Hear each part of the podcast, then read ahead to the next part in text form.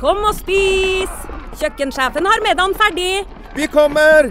Vi skal bare Åh, det er da så morsomt her på Stiklestad! Ja, men sjøl en god viking må ha både mat og hvile. Og dessuten kan dere nå være noen dager. Velkommen til Scandic Stiklestad. Moderne fasiliteter i historiske omgivelser. Det var her det skjedde. Det er her det skjer.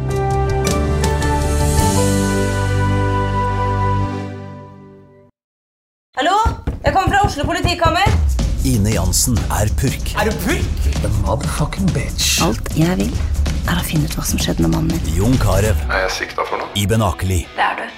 Ole So, Lars Berrum og Big Daddy Karsten. Hvem sin side er du på, egentlig? Anette Hoff, Tone Danielsen, Kommer du fra Afrika?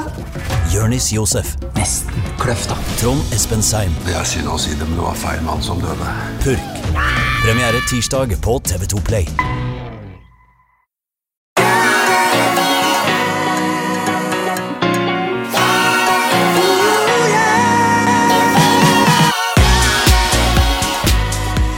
Velkommen til podkasten Hjernesterk. I dag med gjest. Ole Petter, det er du som er invitert, så du kan jo introdusere gjesten. Ja, det er Mi Eline Eriksson fra Virke.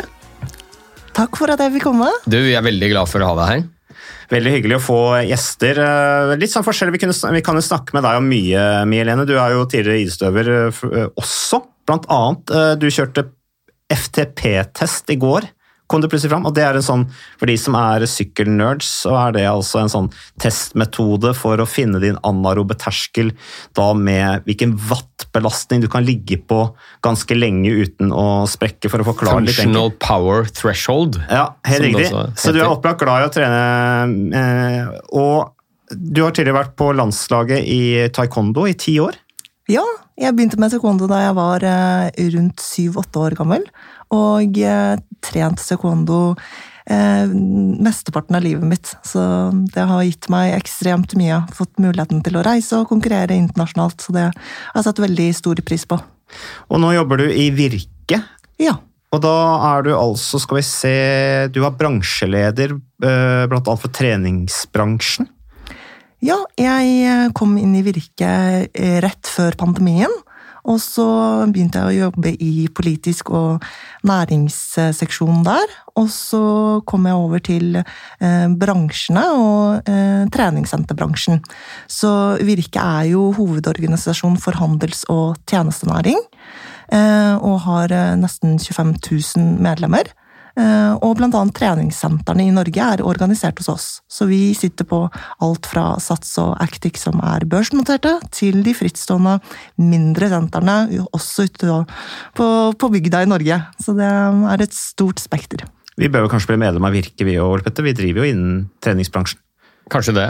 Ja. Jeg tenkte Før vi begynner å snakke om det som egentlig er dagens tema, det skal handle litt om mentale lidelser, bipolar lidelse, som Mie Line skal snakke litt mer om. Men hvordan går det med treningsbransjen nå om dagen, da? Når det er nye covid-restriksjoner og Nei, det har jo gått eh, ganske dårlig, og vi har jo vært eh, nedstengt og delvis levd etter veldig strenge restriksjoner over lengre tid. Eh, og nå er det jo på'n igjen, og vi ser jo også at bemanningen i treningssenterbransjen også mister motet. Og på ledelsessiden så er det jo et ekstremt arbeidsgiveransvar som man sitter på, da. Og må drive og eventuelt permittere og legge kabalen om og om igjen. Eh, Så nå håper vi virkelig på lysere tider. Så vi må nå bare leve etter smitteverntiltakene alle sammen. Oppfordring. Og så får vi håpe at det nyåret kan starte med litt eh, boost, for å si det sånn. Det trenger vi. Vi har snakka litt om helseangst, eh, Ole Petter, eh, og jeg har vel inntrykk kanskje av at mange av de som eh, trener i treningssenter, ikke er de som er høyest representert blant de med helseangst. Men vi snakket bl.a. tidlig i pandemien om dette her med smitte på treningssentrene. At den, da var det i hvert fall snakk om at den var lav. Gjelder det ennå, eller er det, har man fulgt opp de undersøkelsene som ble gjort der i forbindelse med den første runden med pandemien, hvor det var, kom undersøkelser på at smitte i treningssentrene var lav? Ja, det kan bekreftes også fra studier i Finland og andre nordiske land, der hvor man ser at det, det har til dels vært mer liberalt med tanke på treningssentrene, at man har prioritert å holde de åpne. Eh, så ser vi også i første runde nå at eh, vi ikke ble rammet av de, disse nedstengningene som kom eh, rundt desembertider. Eh, nettopp fordi at eh, smittetrykket har vært lavt, og, og, man har jo hatt gode bransjestandarder i alle bransjer, egentlig. nettopp for å forebygge smitte. Mm. Ellers så ser jeg og legger merke til bl.a. i Østerrike nå, hvor det er veldig strengt. ikke sant? Det er jo det første landet som innfører koronapass. Der er det vel også dette her med at det er en viss tvang, jeg vet ikke om de har vedtatt det eller skal vedta det, at, alle innbyggerne skal eh, vaksinere seg. Men der ser jeg liksom du får en del av nedstengingen er at du får faktisk du får lov til å gå ut og trene. det, det, er jo et, eh, et, kanskje et tegn i, i, tiden at myndighetene ser at det er viktig at folk eh, beveger på seg. Ja, det er, det er åpenbart viktig, og det, det, har vi snakket en del om. Jeg, jeg, når vi ser nå også på på de som er blitt hardest rammet av, eh, av covid, og som er blitt mest alvorlig syke, så er det jo en klar overvekt av eh, de som er i dårlig fysisk form. Eh, skrøpelige har en del sykdommer. Det er relatert til alder også, men egentlig først og fremst fysisk form. Mm. Så nå er det litt over 1100 dødsfall i Norge pga. covid. Og jeg tror jo vi må belage oss på at dette viruset er ikke helt borte det kommer nok tilbake igjen. Eh, forhåpentligvis i en mildere variant, og at det kanskje går over til å bli eh, litt sånn sesongvariasjon, sånn som vi ser med forkjølelse. At vi, ja, at vi faktisk ikke klarer å bli kvitt det, men må leve med det. og da tror jeg Noe av det aller viktigste vi kan gjøre på sånn folkehelsenivå, det er jo å sørge for at folk flest er i best mulig fysisk form. Da blir man mindre hardt rammet av sykdommen. Og også mindre sannsynlig at man blir smittet, fordi eh, det styrker immunforsvaret. Mm. Så det er et sånn undervurdert perspektiv, tror jeg, da, på, på, lang sikt. Vi snakker jo mye om at vi må ha kapasitet i helsevesenet, og det må vi selvfølgelig mm. for de som blir alvorligst eh, syke, men det er langt færre som blir alvorlig syke hvis vi hadde vært i litt bedre form. Mm. Ja, det er forebygging. Det er jo egentlig det den bransjen du jobber for, driver med, Mi, forebygging. Men blir det tatt nok på alvor? Eh, vi tenker at vi har en jobb å gjøre og tar utfordringen egentlig på strak arm. Det er jo både kommunikasjonsarbeid, men også er det også å gjøre ulike pilotprosjekter og vise at vi er på og det vi faktisk gjør gir helsegevinster. Men allikevel så syns jeg ikke vi bør skyve under en stol at i dag så foreligger det så ekstremt mye forskning, eh, forskningsbasert kunnskap, som i veldig stor grad også helsemyndighetene og Helsedirektoratet sitter på. Men det er jo det å operasjonalisere dette på en eh, kan si, vellykket måte, da. Og her har vi jo en vei å gå sammen. Eh, vi tror jo at eh, privat og offentlig side i større grad kan se på løsninger som eh, nettopp genererer helsegevinstene der ute. For vi ser jo at syv av ti nordmenn er jo ansett som inaktive. De beveger seg mindre enn 150 minutter i uken, og ikke gjennomfører noen form for styrketrening. Eh, og det er eh, en, egentlig en alvorlig situasjon som vi står i helsemessig. Men så ser vi også i det globale perspektivet at eh, det har vært en trend i alle land. At man har blitt mer inaktive, og, og mm, vekten har gått opp. Og her tenker jeg at vi må knekke noen koder.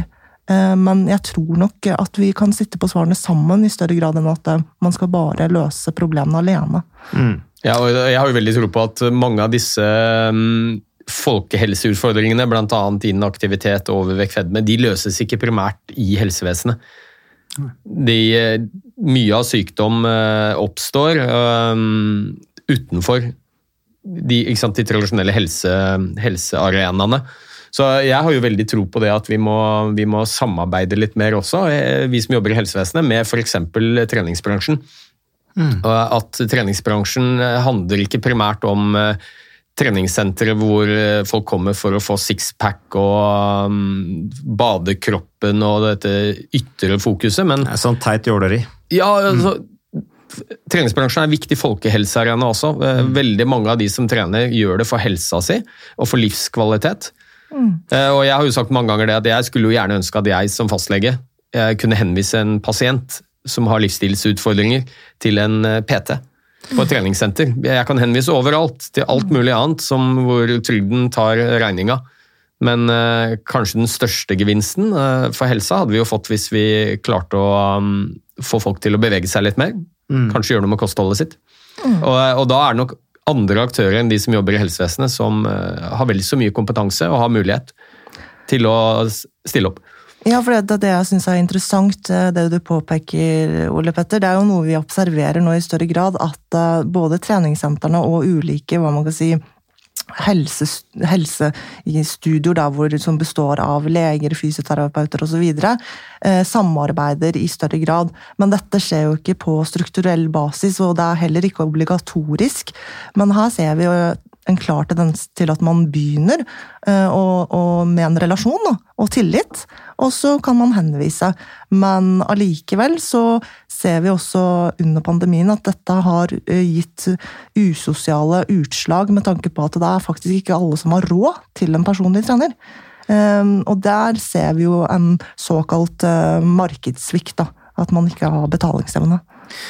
Nei, og så er det vel ikke sånn nødvendigvis at du må ha en personlig trener heller for å skape god helsegevinst gjennom eh, regelmessig mosjon. Eh, Så det er jo også et, eh, også et poeng, men jeg tenker kanskje for treningsbransjen sin del så, så eh, er det jo noe med å starte med kanskje omdefinere eh, eller ta rebrand til seg, da. Eh, At hvis det er, altså Kanskje istedenfor å kalle seg for treningsbransjen, at man kaller seg forebyggingsbransjen. Altså, det må jo være noe med liksom, hva er det vi, vi gjør for folkehelsa, at det ikke kommer godt nok fram da, eh, for å, å, å ta det mer på alvor. Nå er det idretten som har hatt den rollen på en måte til en viss grad fram til nå, Eh, men, eh, men jeg tror kanskje at eh, helsetreningsbransjen skal være enda mer offensive i å, å, å markere at de bidrar til samfunnsøkonomien ved at folk holder seg i bedre form, og at folk som holder seg i bedre form, avlaster helsevesenet, som jo er et stort tema nå, bl.a. under pandemien.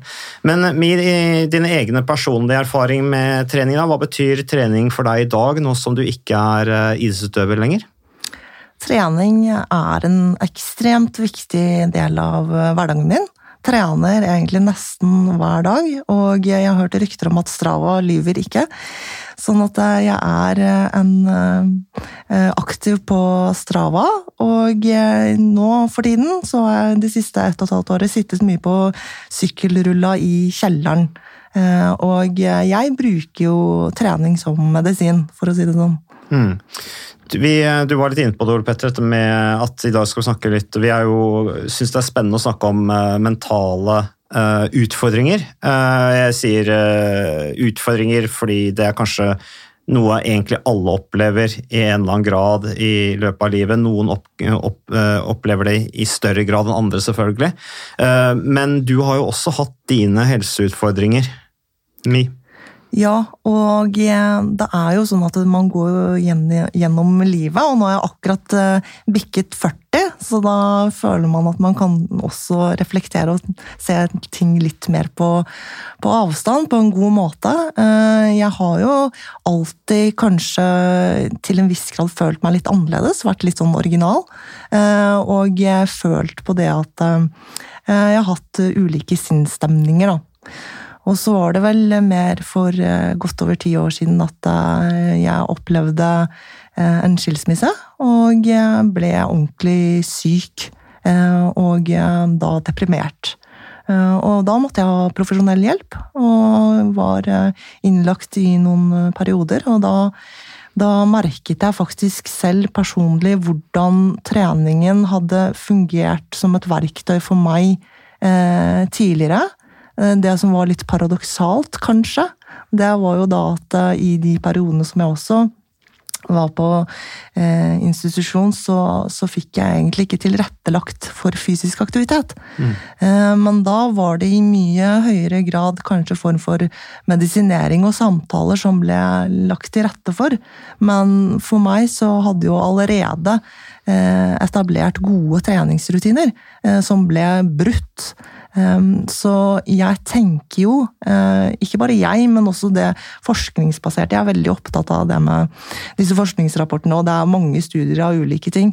Men hva faktisk fysisk aktivitet gjør med kroppen helt sånn fysiologisk, da.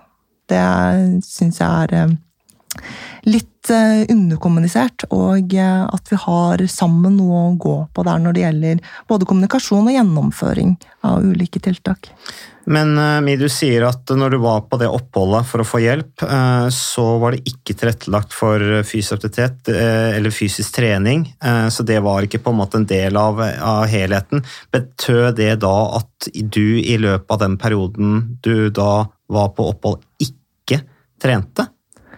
Eh, ja, det var faktisk noen perioder jeg ikke trente, og da var jeg også vant til å nesten trene hver eneste dag.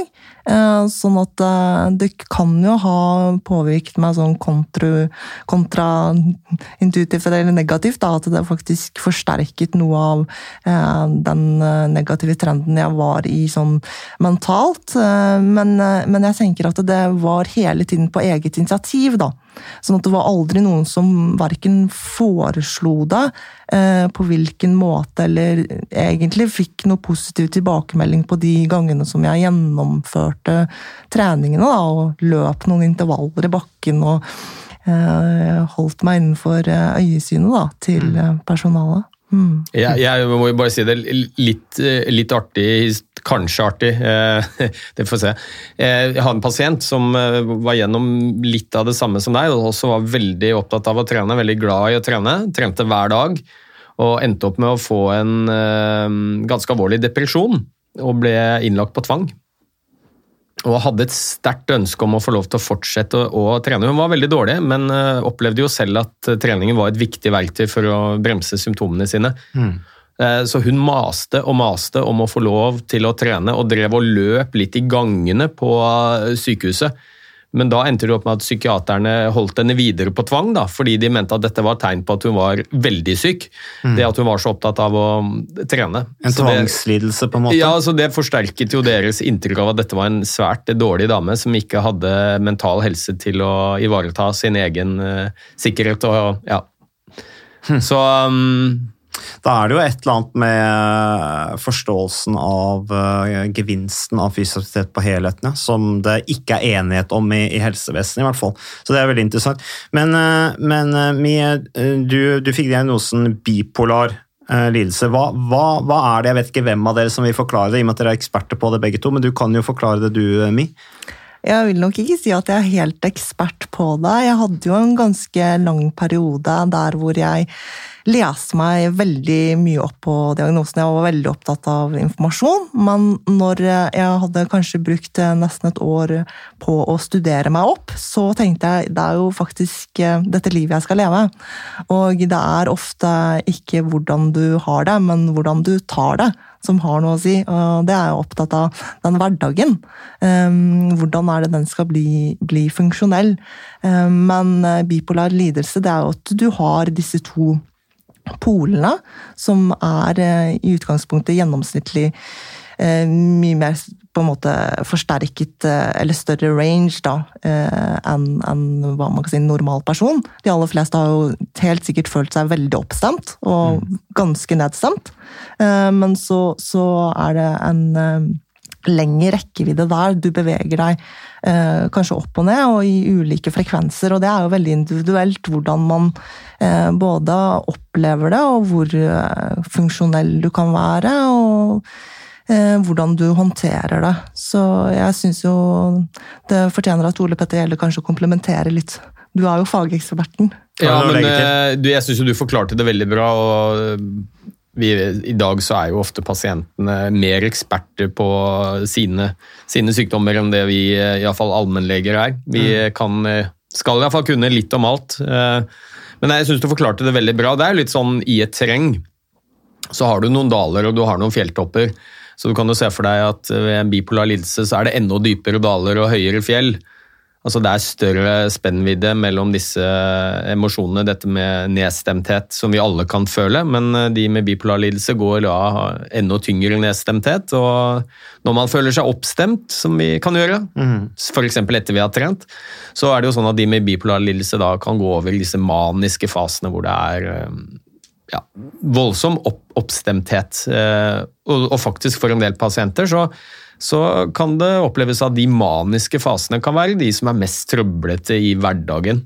Ja, så når du er på en opptur eller en nedtur? Altså Nei, opptur. Ja. øh, Ja, for da, det, det gjør jo noe med atferd, blant annet. Mm. Jeg husker veldig godt da jeg var student, så var vi på psykiatrisk avdeling på Ullevål sykehus, og de fulgte jo opp en del bipolare pasienter. Og der var det en fulltidsansatt som, som eh, jobbet med å løse problemer som eh, pasientene hadde klart å lage for seg selv da, eh, i, i disse maniske fasene. Og Det kunne være at de hadde kjøpt ting som de ikke hadde penger til. og En pasient hadde jo da til og med klart å lure eh, en sånn leverandør av stridsvogner til å tro at han representerte myndighetene og hadde bestilt flere tanks, blant annet, som hadde, som hadde blitt levert. og det var, ja, altså, Dette er jo litt humoristisk, for så vidt. Men, Ja, ja, eh, beklager jo, men, ja, ja, jo da, men det er jo litt sånn tragikomisk Mm. også. så mm, jeg tror nok eh, mange opplever nok kanskje at de maniske fasene kanskje er de som påvirker hverdagen mest. Men er ikke det nesten på grensa til schizofreni, på en måte? Altså at eh, Her høres det ut som en, da, en person som har tatt en annen rolle som han egentlig ikke har. Nei, Det er nok et ganske tydelig skille mellom schizofreni og bi, bipolar lidelse. Ja, ja. Altså. Så mm, ja. Men det er en relativt vanlig tilstand når når vi snakker om mentale lidelser. Ikke i nærheten av like vanlig som en, kall det en unipolar depresjon. altså en, Kall det en vanlig depresjon. Men eh, det er vel anslått at det er mellom 1-2% av befolkningen som har fått diagnosen bipolar lidelse. Mm. Men eh, det er nok mørketall, så eh, sannsynligvis så er det betydelig flere. Ja, Og du kan kanskje supplere litt der, Mi? Ja, og det er jo det som kanskje er mye av samfunnsutfordringen som vi står overfor. Og det gjelder jo ikke bare bipolar lidelse, men andre eh, diagnoser som kan stilles litt tidligere. Da, og det å fange dette opp også på kanskje ungdomsskolen og videregående. og Eh, og, og når man er mye yngre, det er kjempeviktig, fordi nettopp å kunne tilby den verktøykassen som kan gjøre eh, hverdagen mye bedre. Eh, og for min egen del så har jo jeg hatt eh, ganske mange sånn ulike utfordringer i løpet av de årene som eh, man ikke har visst helt hva som har vært galt, og heller ikke kunne ha brukt de metodene som faktisk virker. Og så syns jeg jo at det med mental helse og at man ikke alle har det like bra hele tiden Jeg tror nok at det er viktig at vi snakker om, eh, snakker om det å ikke kunne alltid være sånn perfekt, da. Mm. Og det var kanskje det jeg opplevde litt sånn eh, Møtte meg selv i døren med det med den skilsmissen. Da hadde jeg akkurat liksom uh, juristutdannelse og fått et barn og giftet meg, og alt liksom var så picture perfect. Men så var det en sånn crack i det bildet, da. Eh, Men det at eh, det er jo faktisk godt over 50% av befolkningen som går gjennom en eller annen form for eh, samlivsbrudd da, eh, i livet, og det, det, er, det er viktig å kunne, hva man kan si, ta det litt på alvor. At hvordan er det også f.eks. helsevesenet eller andre, også personlig trenere eller eh, tjenester du kan få på treningssenteret, kan være der for å nettopp liksom forebygge i hverdagen. Det, var, det var ekstremt viktig for meg. Men uh, Mi, eh, nå skulle du si noe, Ole Petter. Du, eh, Men det, kjør først du, Mats. Jo, nei, jeg bare tenkte på spørsmål. Altså, uh, man jobber, står på, utdanner seg, får seg en jobb, Uh, blir gravid, får barn, eh, tar opp lån, eh, jobber, står på, gifter seg, og så plutselig så skjer det da et samlivsbrudd, eksempel. Ja, var det en utløsende faktor til at du fikk diagnosen, eller hadde du diagnosen bipolar lidelse før det? Nei, jeg hadde nok den før det, fordi at eh, sånn som jeg forstår det, så er det jo også noe som ligger i det fysiske, ikke bare det kognitive, men at det er noe som ligger i hjernen.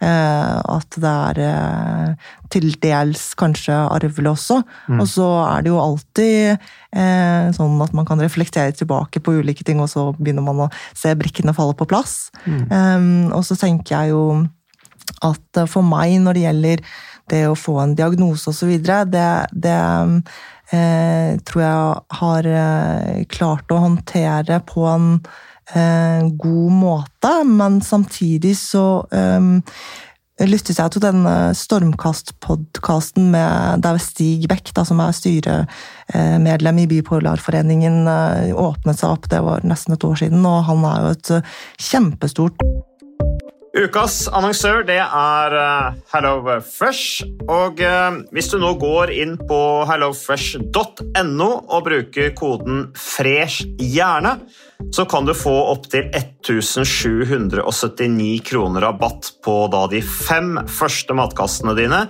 hvis du ikke har prøvd HelloFresh enda.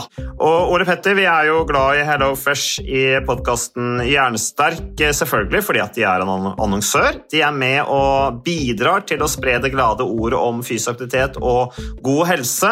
Men i tillegg så har jo vi også nå lang erfaring med HelloFresh selv.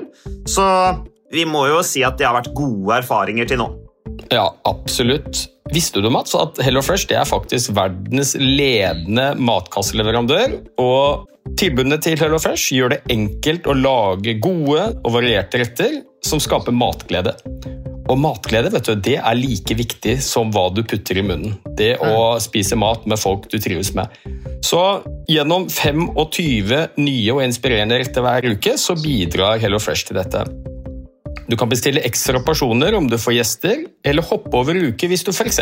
skal bort. Og Det er ingen bindingstid, og du velger leveringstidspunkt og dag selv, så leverer HelloFresh matkassen din akkurat når det passer deg. Ikke dårlig, Mats. Nei, det er veldig bra. Så, og dette er med enklere hverdag, det kan jeg nå skrive under på. For nå, forrige erfaring vi hadde forrige uke, Ole Petter, det syns jeg var Det var jo et gjennombrudd for familien Kaggestad. For da lagde rett og slett barna de lagde middag og serverte middagen, så den var ferdig laget og servert da når eh, min kone Marita og meg kom hjem fra jobb. Og jeg mener Det var jo bare helt utrolig. Det var helt fantastisk. Det ble en nydelig middag. Riktignok de, de, de, de roter og søler litt, det gjør de. Så, men, men, maten ble veldig god. De var veldig stolte over å kunne ha både laget og servert maten, så det var helt fantastisk. Så vi har jo da i siste så har vi spist bl.a. sitron- og dillstekt hyse med ovnsbakte grønnsaker og aioli. Vi har spist middelhavsinspirert kylling. Taco, så finnes det mange ulike typer taco. F.eks. vietnamesisk taco, som vi har spist. Thailandsk vegetargryte. Veldig riktig og sunt uh, i dagens uh, samfunn med, med, fokus på bærekraft. Hvitløk og chilistekte reker i spagetti, det var definitivt en vinner. Så det er så flott. Du får rimelig mat ved at du kun betaler for det du trenger, så det blir ordentlig feststemning med HelloFresh. Det gjør det, og nå er det bare for deg å gå inn på hellofresh.no og bruk koden 'fresh hjerne'. Da får du opptil 1779 kroner rabatt på de første fem matkassene dine, hvis du ikke allerede har prøvd HelloFresh. Du kan også bruke rabattkoden hvis du har stoppet abonnementet ditt for tolv måneder siden eller mer. Er det noe å lure på? Håper maten smaker godt. Bon appétit!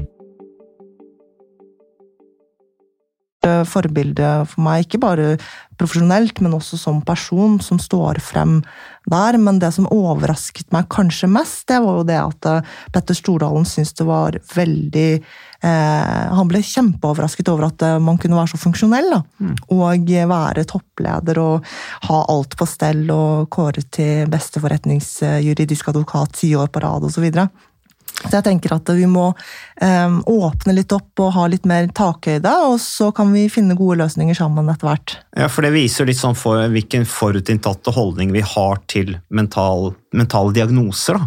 Eh, Jeg er ikke noe overraska i det hele tatt. altså Det der å fungere best mulig til tross for, det tror jeg veldig mange klarer. Jeg tror veldig mange som også gjør det veldig bra, har en eller annen diagnose. for det er ofte en kraft som gjør at de kanskje kjører på litt mer enn vanlig. Vi har snakket om ADHD blant annet, som en mulig liksom på en måte Ikke nødvendigvis begrensning, men det er det man har sine utfordringer, men det er jo også et talent på mange måter. Kan være en fordel på ja, det kan være en fordel? Ja. Du gir gass, og jeg tenker på maniskhet eh, Nå har ikke jeg veldig peiling på, på, på bipolare lidelser, men det jeg har hørt, det er at bipolar lidelse er en av de, i hvert fall den personen jeg har snakket med om det, er en av de mentale lidelsene hvor fysisk trening ikke har så gevinst. Eh, Hva tenker du om det, Mi? Mm, For meg så er det den aller viktigste regulatoren. Eh, Sånn at selvfølgelig, i visse tider så kanskje det er nødvendig med noe medisinering, men jeg tenker at eh, min eh, treningsrytme er helt avgjørende for at jeg skal holde meg selv i vater. Mm. Og det vet jeg også eksempel at Stig Beck han trener hver eneste dag. På en eller annen måte. Sånn at det, jeg tror at det, det Men jeg har ikke noen sånn konkrete studier på akkurat eh, det. det Nei, det har jeg. jeg tror den, ja, du har studie på det, Ole Petter. Ja, eller jeg har ikke studie, jeg har ikke gjort noen studie på det. Men eh, nei, det, det er jo et godt poeng det du starter med å si, Mats. At eh, vi, det begynner å bli relativt allmennkjent at regelmessig trening er bra for kall det vanlig depresjon. Da, forebygge og også behandle. Og så har man vært litt usikker på effekten ved, hos de pasientene som har bipolar lidelse. Men det handler nok også en del om at det er ikke forsket like mye på. Og det er gjort en del ganske store studier nå som viser at regelmessig fysisk aktivitet har en veldig gunstig effekt på, på symptombildet. Altså bremser symptomer ganske betydelig hos eh, de som har bipolar lidelse. Alle, alle forskjellige varianter av bipolar lidelse, for det finnes forskjellige typer. Um, så det er, ikke noe, det er det ikke noe tvil om. Det er nok allikevel en større andel av pasientene med bipolar lidelse som har behov for medisiner og annen behandling i tillegg, hvis du sammenligner med de som har kall det en vanlig depresjon. Men jeg tenker et viktig poeng er at det er jo ikke enten-eller. Det blir ofte sånn polarisering også når vi snakker om forskjellige behandlingsalternativer. Nei, ikke sant? Vekk med medisinene, det er trening som gjelder. Mm. Men for mange pasienter så er det gjerne en kombinasjon, og det viser seg jo det at for veldig mange av de tilstandene hvor vi ønsker kanskje å få inn mer fysisk aktivitet i behandlingen, så er det som et supplement. Altså at Den beste effekten får man gjerne hvis man eh, kombinerer flere forskjellige behandlingsalternativer. F.eks. ved depresjon da, så kan man se at en kombinasjon av kognitiv atferdsterapi, altså samtaleterapi hos en psykolog f.eks., sammen med trening, har en tendens til å gi større effekt enn bare én av de to sammen. Eh, og Det gjelder litt medisiner også, så jeg, jeg tenker vi må ikke tenke at det skal være enten-eller. men Vi må bruke alle de verktøyene vi har. Ja. Men hovedargumentet for fysisk aktivitet tenker jeg at én, det er veldig lite brukt. Altså Det er nesten ikke brukt i helsevesenet, og det er jo du med på å forsterke det inntrykket. Så jeg som har jobbet der i alle år, jeg, jeg kan ikke huske at jeg har fått en tilbakemelding fra en psykiatrisk avdeling noen gang på at pasientene mine har blitt anbefalt regelmessig fysisk aktivitet. Nei, men hvis behandleren ikke trener sjøl heller, så Neida, så, så det er jo et, det er jo et, sammen, det er jo et sammensatt uh, bilde her, men eh, ja. Poenget mitt er iallfall at treningen er enkel. Den er tilnærmet gratis. Har masse bivirkninger, men de er positive. Sant? Så har du en, eh, og det tror jeg er litt viktig også når det gjelder mentale lidelser, at mentale lidelser er overraskende fysiske. Altså, vi liker jo å putte ting i siloer. Liksom. Vi tenker at vi har kropp, og så har vi sjel. Men det der henger jo nøye sammen. Og vi vet bl.a. at de som har depresjon og også bipolar lidelse, har mye høyere forekomst av andre sykdommer også. F.eks. hjerte-karsykdom, kreftsykdom, muskel-skjelettlidelser. Ja, alt henger sammen. Og, så, ja, og Det kan være flere årsaker til det. Vi vet bl.a. at eh, hvis du ser på aktivitetsnivået blant forskjellige pasientgrupper da, Du sa de forskjellige pasientgruppene i Norge, og så kartlegger du aktivitetsnivå. Så er det jo to grupper som kanskje peker seg ut som de klart mest inaktive. Og Det er jo de som eh, har eh, mentale lidelser, depresjon og angst, og så er det pasienter med demens. Og ironisk nok så er det jo kanskje de to pasientgruppene som har størst gevinst av å være i fysisk aktivitet. Så i tillegg til at treningen og fysisk aktivitet gjør noe med grunnlidelsen din, endringer kjemisk i hjernen ved depresjon og bipolar lidelse til bedre mestringsfølelse og selvtillit, så påvirker det jo eh, alle disse andre fysiske plagene dine også. Sant? Mindre smerte, muskel- og skjelettsystemet, lavere sannsynlighet for å utvikle overvekt, fedme, hjerte-karsykdom, mange forskjellige krefttyper. Så det er jo um, det er veldig liten grunn til å ikke bruke fysisk aktivitet Jeg i behandlingen. Jeg hørte om ett eksempel fra Nord-Norge da jeg var oppe der og kommenterte Arctic Race i sommer. Eh, Så snakket jeg med en om demens, og så nevnte han en person han kjente som var dement. sånn at den personen gikk og gikk og gikk hele tiden med bikkja. fordi at når eh, vedkommende da kom inn på tur med bikkja, så hadde jo, da hadde man allerede glemt at han hadde vært ute og gått tur med bikkja. så den bikkja var i kjempeform. og han var jo egentlig fysisk veldig god form, han også, og kanskje også i bedre mental form egentlig pga. all den gåinga, da. Men det ble litt mye gåing. Men Mie, jeg tenkte på en ting i forhold til den eh, historien du forteller. eh, Med eh, diagnosen på en bipolar lidelse som du fikk, ville den, om du fikk den tidligere, ha hjulpet deg på noen måte? Eh, vært et verktøy eh, som kanskje kunne bidratt på en eller annen måte? At du fikk den for sent, hva tenker du om det? Ja, jeg tror jo at det kunne hjulpet meg med å forstå meg selv litt bedre. Og selvfølgelig, sånn som vi var inne på, Ole Petter, det med medisinering. Det er jo en viktig del, og jeg er jo støtter deg 100% når det gjelder denne polariserte debatten, for det er absolutt ingen fasit. For min egen del så syns jeg det er kjempeviktig å forsøke så langt det lar seg gjøre å bruke minst mulig medisiner. Eh, Nettopp fordi at eh, jeg kan bruke trening på den måten som jeg gjør. Eh, Og det er jo litt tilbake til svaret ditt, at jeg tror kanskje at jeg hadde noen metoder allerede før jeg fikk diagnosen, på hvordan jeg skulle forsøke å håndtere ting. Men samtidig så er det jo veldig betryggende ofte for folk eh, å, få vite hva som er, er galt. Og det er jo også alltid opp mot andre sånn fysiske lidelser. Er det akillesen, eller er det ikke akillesen? Er det betennelse, er det ikke betennelse? Det, hva slags kreftform er det? Altså, for da kan man begynne å behandle, da. Eh, og det tror jeg eh, samfunnet også egentlig kan spare veldig mye penger på. Fordi det jeg også brenner for, og er privilegert å ha den jobben som jeg har, det er jo inkluderende arbeidsliv. Eh, Og jobben for meg, den er jo helt essensiell for at jeg også skal kunne holde meg god og frisk, da. Mm. Mentalt og stabil. Og jeg tenker jo at eh, Eh, Før jeg gjestet denne podkasten, skulle jeg informere både Ivar Horneland, som er administrerende direktør i Virke, og Irilin, eh, som er min eh, overordnede direktør.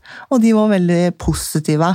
Men jeg føler at det ikke har vært nødvendig for meg å si i jobbsammenheng at jeg har en bipolar lidelse, fordi at jeg er funksjonell, jeg presterer, jeg um, har et eh, selv lavt, eh, nesten ikke-eksisterende sykefravær, jeg leverer når jeg skal. Eh, Så jeg tenker jo også opp imot mange spørsmål som Bipolarforeningen får, da, tilknyttet til sånn, skal man være åpen, skal man fortelle eller ikke. Og jeg tenker at det er kjempeindividuelt, men er det, er det nødvendig? Eh, Fordi du trenger tilrettelegging. Så tenker jeg at ja, da bør man kanskje si noe om det.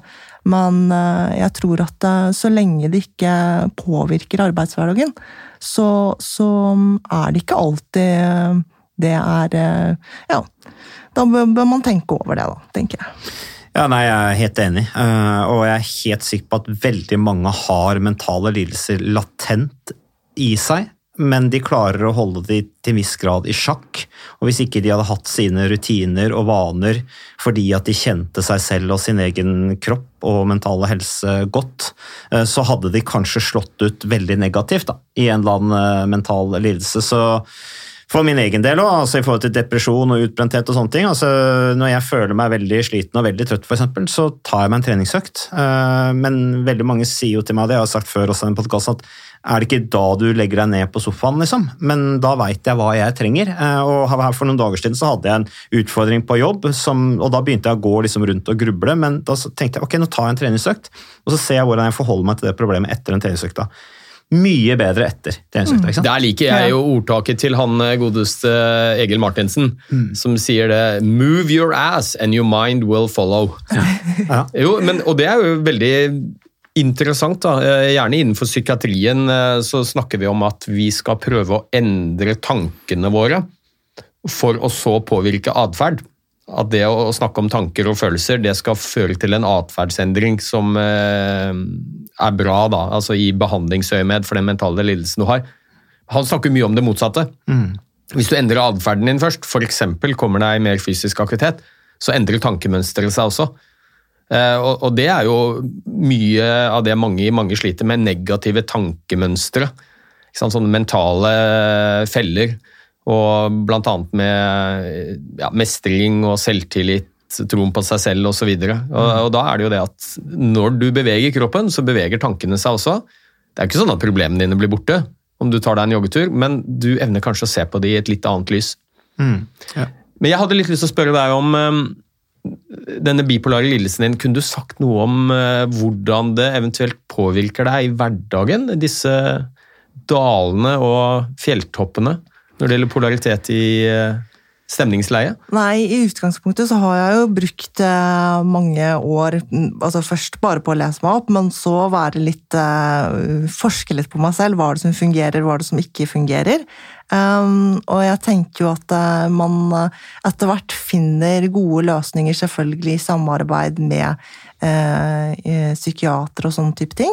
Um, men uh, for meg så, så, så betyr det egentlig i praksis at, at jeg har liksom Jeg er veldig avhengig av søvn. Den, den er litt hellig. Sånn at jeg kan jo merke at hvis jeg får for lite søvn, så, så kan det skjære litt ut den ene eller den andre veien. Og så har det noe med å mm, være Lese sine egne signaler. Eh, Og det syns jeg har vært en eh, selvfølgelig en bratt læringskurve, men det er det å fange opp de signalene som kommer, enten når du er på vei opp eller ned, da. Mm. Men så har jeg mange lengre perioder der hvor jeg er eh, hva man kan si, helt stabil. Eh, Men for eksempel, jeg kan jo dele en litt morsom historie da, for å gi et eksempel på hva som kan skje hvis du ikke leser signalene tidlig nok. For det er jo det når man er opp på vei i hypomani, så kan man jo få litt eh, til delvis irrasjonell atferd. Så da var det jo tre-fire år siden som jeg eh, på kvelden klokken eh, halv ti eller noe sånt sa, sa til mannen min at kan, kanskje det er en god idé å rive den terrassen som er utenfor, og så kan vi bygge noe der, da. Og så sa han ja, det er helt sikkert en god idé. Og så dagen etter, klokken halv åtte, så sto jeg da ute med to innleide personer som jeg hadde leid inn via en app, og rev denne verandaen. Det var det han våknet av. Og da eh, sto vi og tok dem fra hverandre nesten i fire dager, og så hadde vi ikke noe veranda der. Eh, men eh, det verste var vel sant, det at du eh, ikke har en plan, da. Så da var vi uten veranda i to år. Eh, fordi da måtte vi jo finne en plan hvordan vi skulle bygge ny, da. Så det er en sånn Så- impulsivitet, altså. Ja. Og så er det jo selvfølgelig Det her er jo en morsom historie, men jeg har jo hørt mange andre historier som er litt uh, mer alvorlige. ikke sant? Altså, sånn som Ole Petter Gjelle var inne på, det med, altså, hvis du begynner å kjøpe og selge ting og begynner å En annen type atferd, den kan jo være mye farligere, men jeg tenker at at um, det er liksom uh, Og så er det jo selvfølgelig en alvorlig lidelse med tanke på disse mer depressive periodene. altså Generelt sett så er jo bipolare eh, i mye høyere grad utsatt for, eh, for selvmordsraten er jo mye høyere, ikke sant? og det er jo bekymringsverdig. og Derfor så syns jeg også det er kjempeviktig å snakke om dette her og sette det på agenda og ufarliggjøre det. Eh, og jeg tror nok den kollektiviteten og den gruppe eh, som man har når man sant, er en del av Bilpolarforeningen og får snakket sammen. Og her er det også yngre gutter som har hengt seg på og er med og leder møter og er aktive. Og så har man sånne litt eh, gudfaren Stig Beck, og du har veldig mange forskjellige ressurssterke mennesker. Men så må jeg også innrømme én ting, og det var jo i sommer da jeg meldte meg inn formelt i Bipolarforeningen og ble likeperson. Da. da kan du også bidra inn på ulike ting. Så, så har jeg jo møtt mine egne fordommer i døren. Fordi at eh, jeg kanskje noen ganger har vært liksom redd for å bli identifisert med en, eh, med en eh, gruppe som, eh, som man vet for lite om. Da. Mm. Og det det, det er jo veldig uheldig. Altså Den stigmaen som fortsatt finnes. Jeg tror det begynner å, å, bli litt bedre, og det tror jeg handler mye om at det er mange også offentlige personer uh, som, uh, som, er forbilder, som, som, er mer åpne, tør å være mer åpne om de plagene de har hatt. Det, det har jeg veldig tro på, dette med åpenhet rundt det. Og, det er jo ingen sammenheng mellom kognitive evner, altså hvor smart du er, hvor flink du er, og det å ha depresjon eller bipolar lidelse eller ADHD for den saks skyld. Og det er jo vanlige tilstander også. Husk at 50 mm. av befolkningen en eller annen gang i livet får en depresjon. Ja. Og det, det, rammer jo alle lag i uh, samfunnet. Og det er ikke noe sammenheng mellom hvor flink du er og om du har depresjon eller ikke. Og det er jo mange eksempler på berømte, ressurssterke, flinke folk uh, som har eller har hatt en depresjon. Og det er jo til og med noen, bl.a. kunstnere, som opp, og forfattere som sier at vet du hva, eh, jeg presterer best når jeg faktisk er litt nede. Ja, jeg vet ikke så, så, mm, så, så jeg, jeg, håper jo bare at den stigma er litt i ferd med å forsvinne. Og også på en arbeidsplass. Mange som kanskje går rundt og føler at de må informere arbeidsgiveren sin om at de har en depresjonslidelse eller bipolar lidelse. Og jeg tenker Med mindre du trenger noe tilrettelegging eller det er vesentlig med tanke på arbeidsoppgavene dine, hvorfor det er, altså, det er jo ingen som går og forteller sjefen sin at de har hemoroider. nei, nei, men altså, hallo, Hvorfor skal du føle at du må fortelle at du har en depresjonsdiagnose, hvis det ikke, hvis det ikke er relevant med tanke på arbeids- eller til tilrettelegging? Mm. Nei, samtidig som altså, hvis man kjenner hverandre godt på arbeidsplassen, så er det kanskje lettere å, å, å forstå hverandre da, eh, i hverdagen når man skal jobbe sammen mot eh, kanskje i krevende perioder hvor det er tøffe mål som skal nås og sånn. Jeg vet ikke. Jo, jo, altså, er, jeg tenker jo det er helt greit å fortelle, det er ikke det jeg mener, mm. men at man skal føle at man har en plikt. Mm. Eh, det er nok ingen som føler en plikt å fortelle om andre typer plager de har, kanskje av mer fysisk natur, med mindre det er relevant for arbeidssituasjonen eller man trenger tilrettelegging, så hvorfor skal man føle seg forpliktet til å fortelle om en uh, depresjon. Mm. Nei, jeg er helt enig, og så er det Jeg syns bare det er viktig å påpeke at det er ikke noe fasit. Det er veldig individuelt, og man må se an relasjonen og tilliten, og selvfølgelig hva slags type jobb du skal gjennomføre. Mm. Um, og hva du skal eventuelt levere og prestere. Men Mi, um, jeg, jeg lurte på en ting. Um, har du noe erfaring med medikamentell behandling ved bipolar lidelse? E altså eg egen erfaring med det? Ja. ja. Mm. Kan du si noe om hvordan medisiner har virket? Um, ja, sånn på overordnet nivå så kan jeg jo si at mye av årsaken til at jeg syns det har vært bra og godt for meg å bruke trening, det er jo det med type bivirkninger som kommer.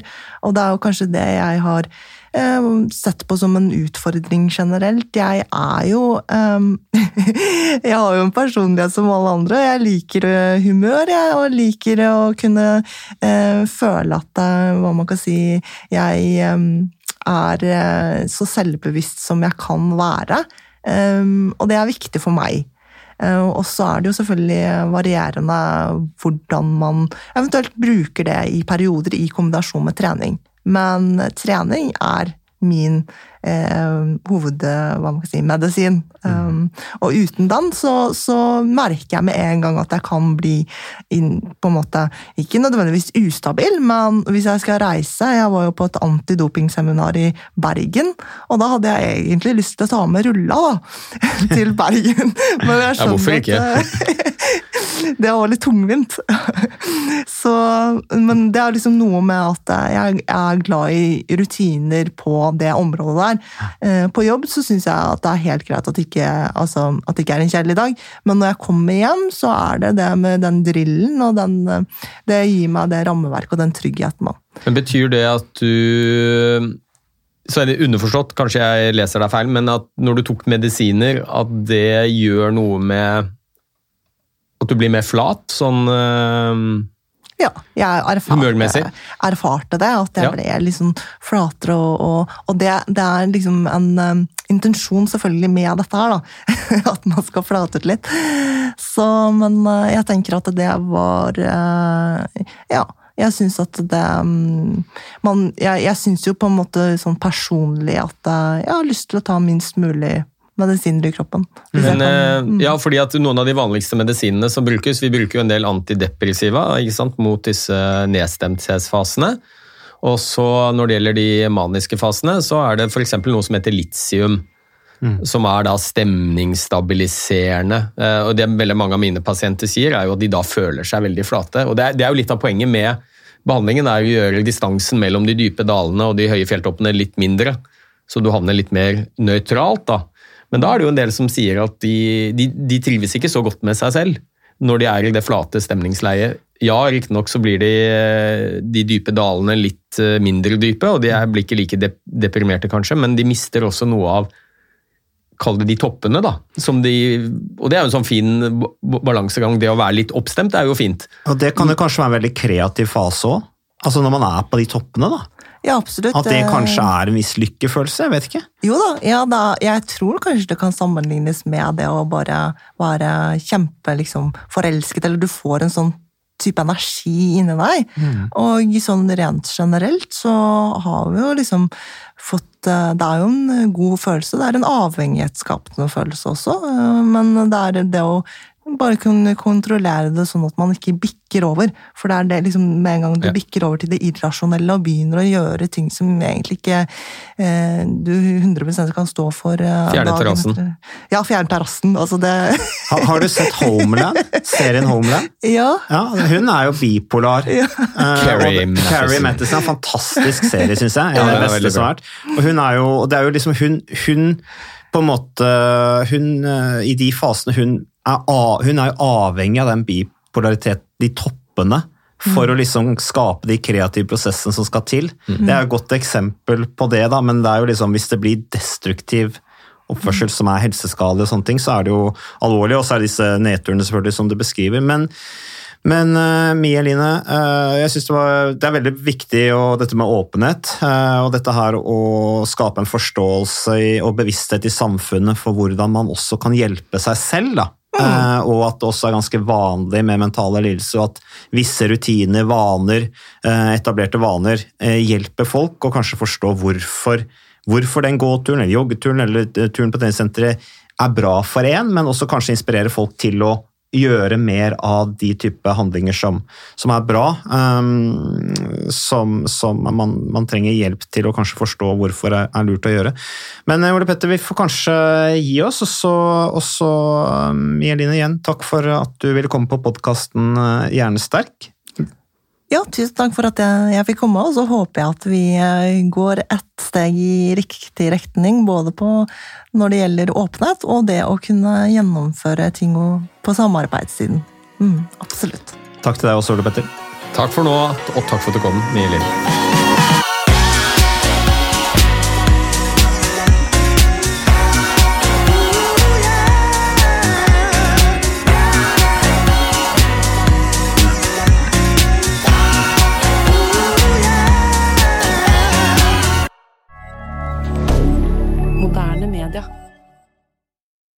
Har du et enkeltpersonforetak eller en liten bedrift? Da er du sikkert lei av å høre meg snakke om hvor enkelt det er med kvitteringer og bilag i fiken, så vi eh, gir oss her, vi. Fordi vi liker enkelt. Fiken superenkelt regnskap.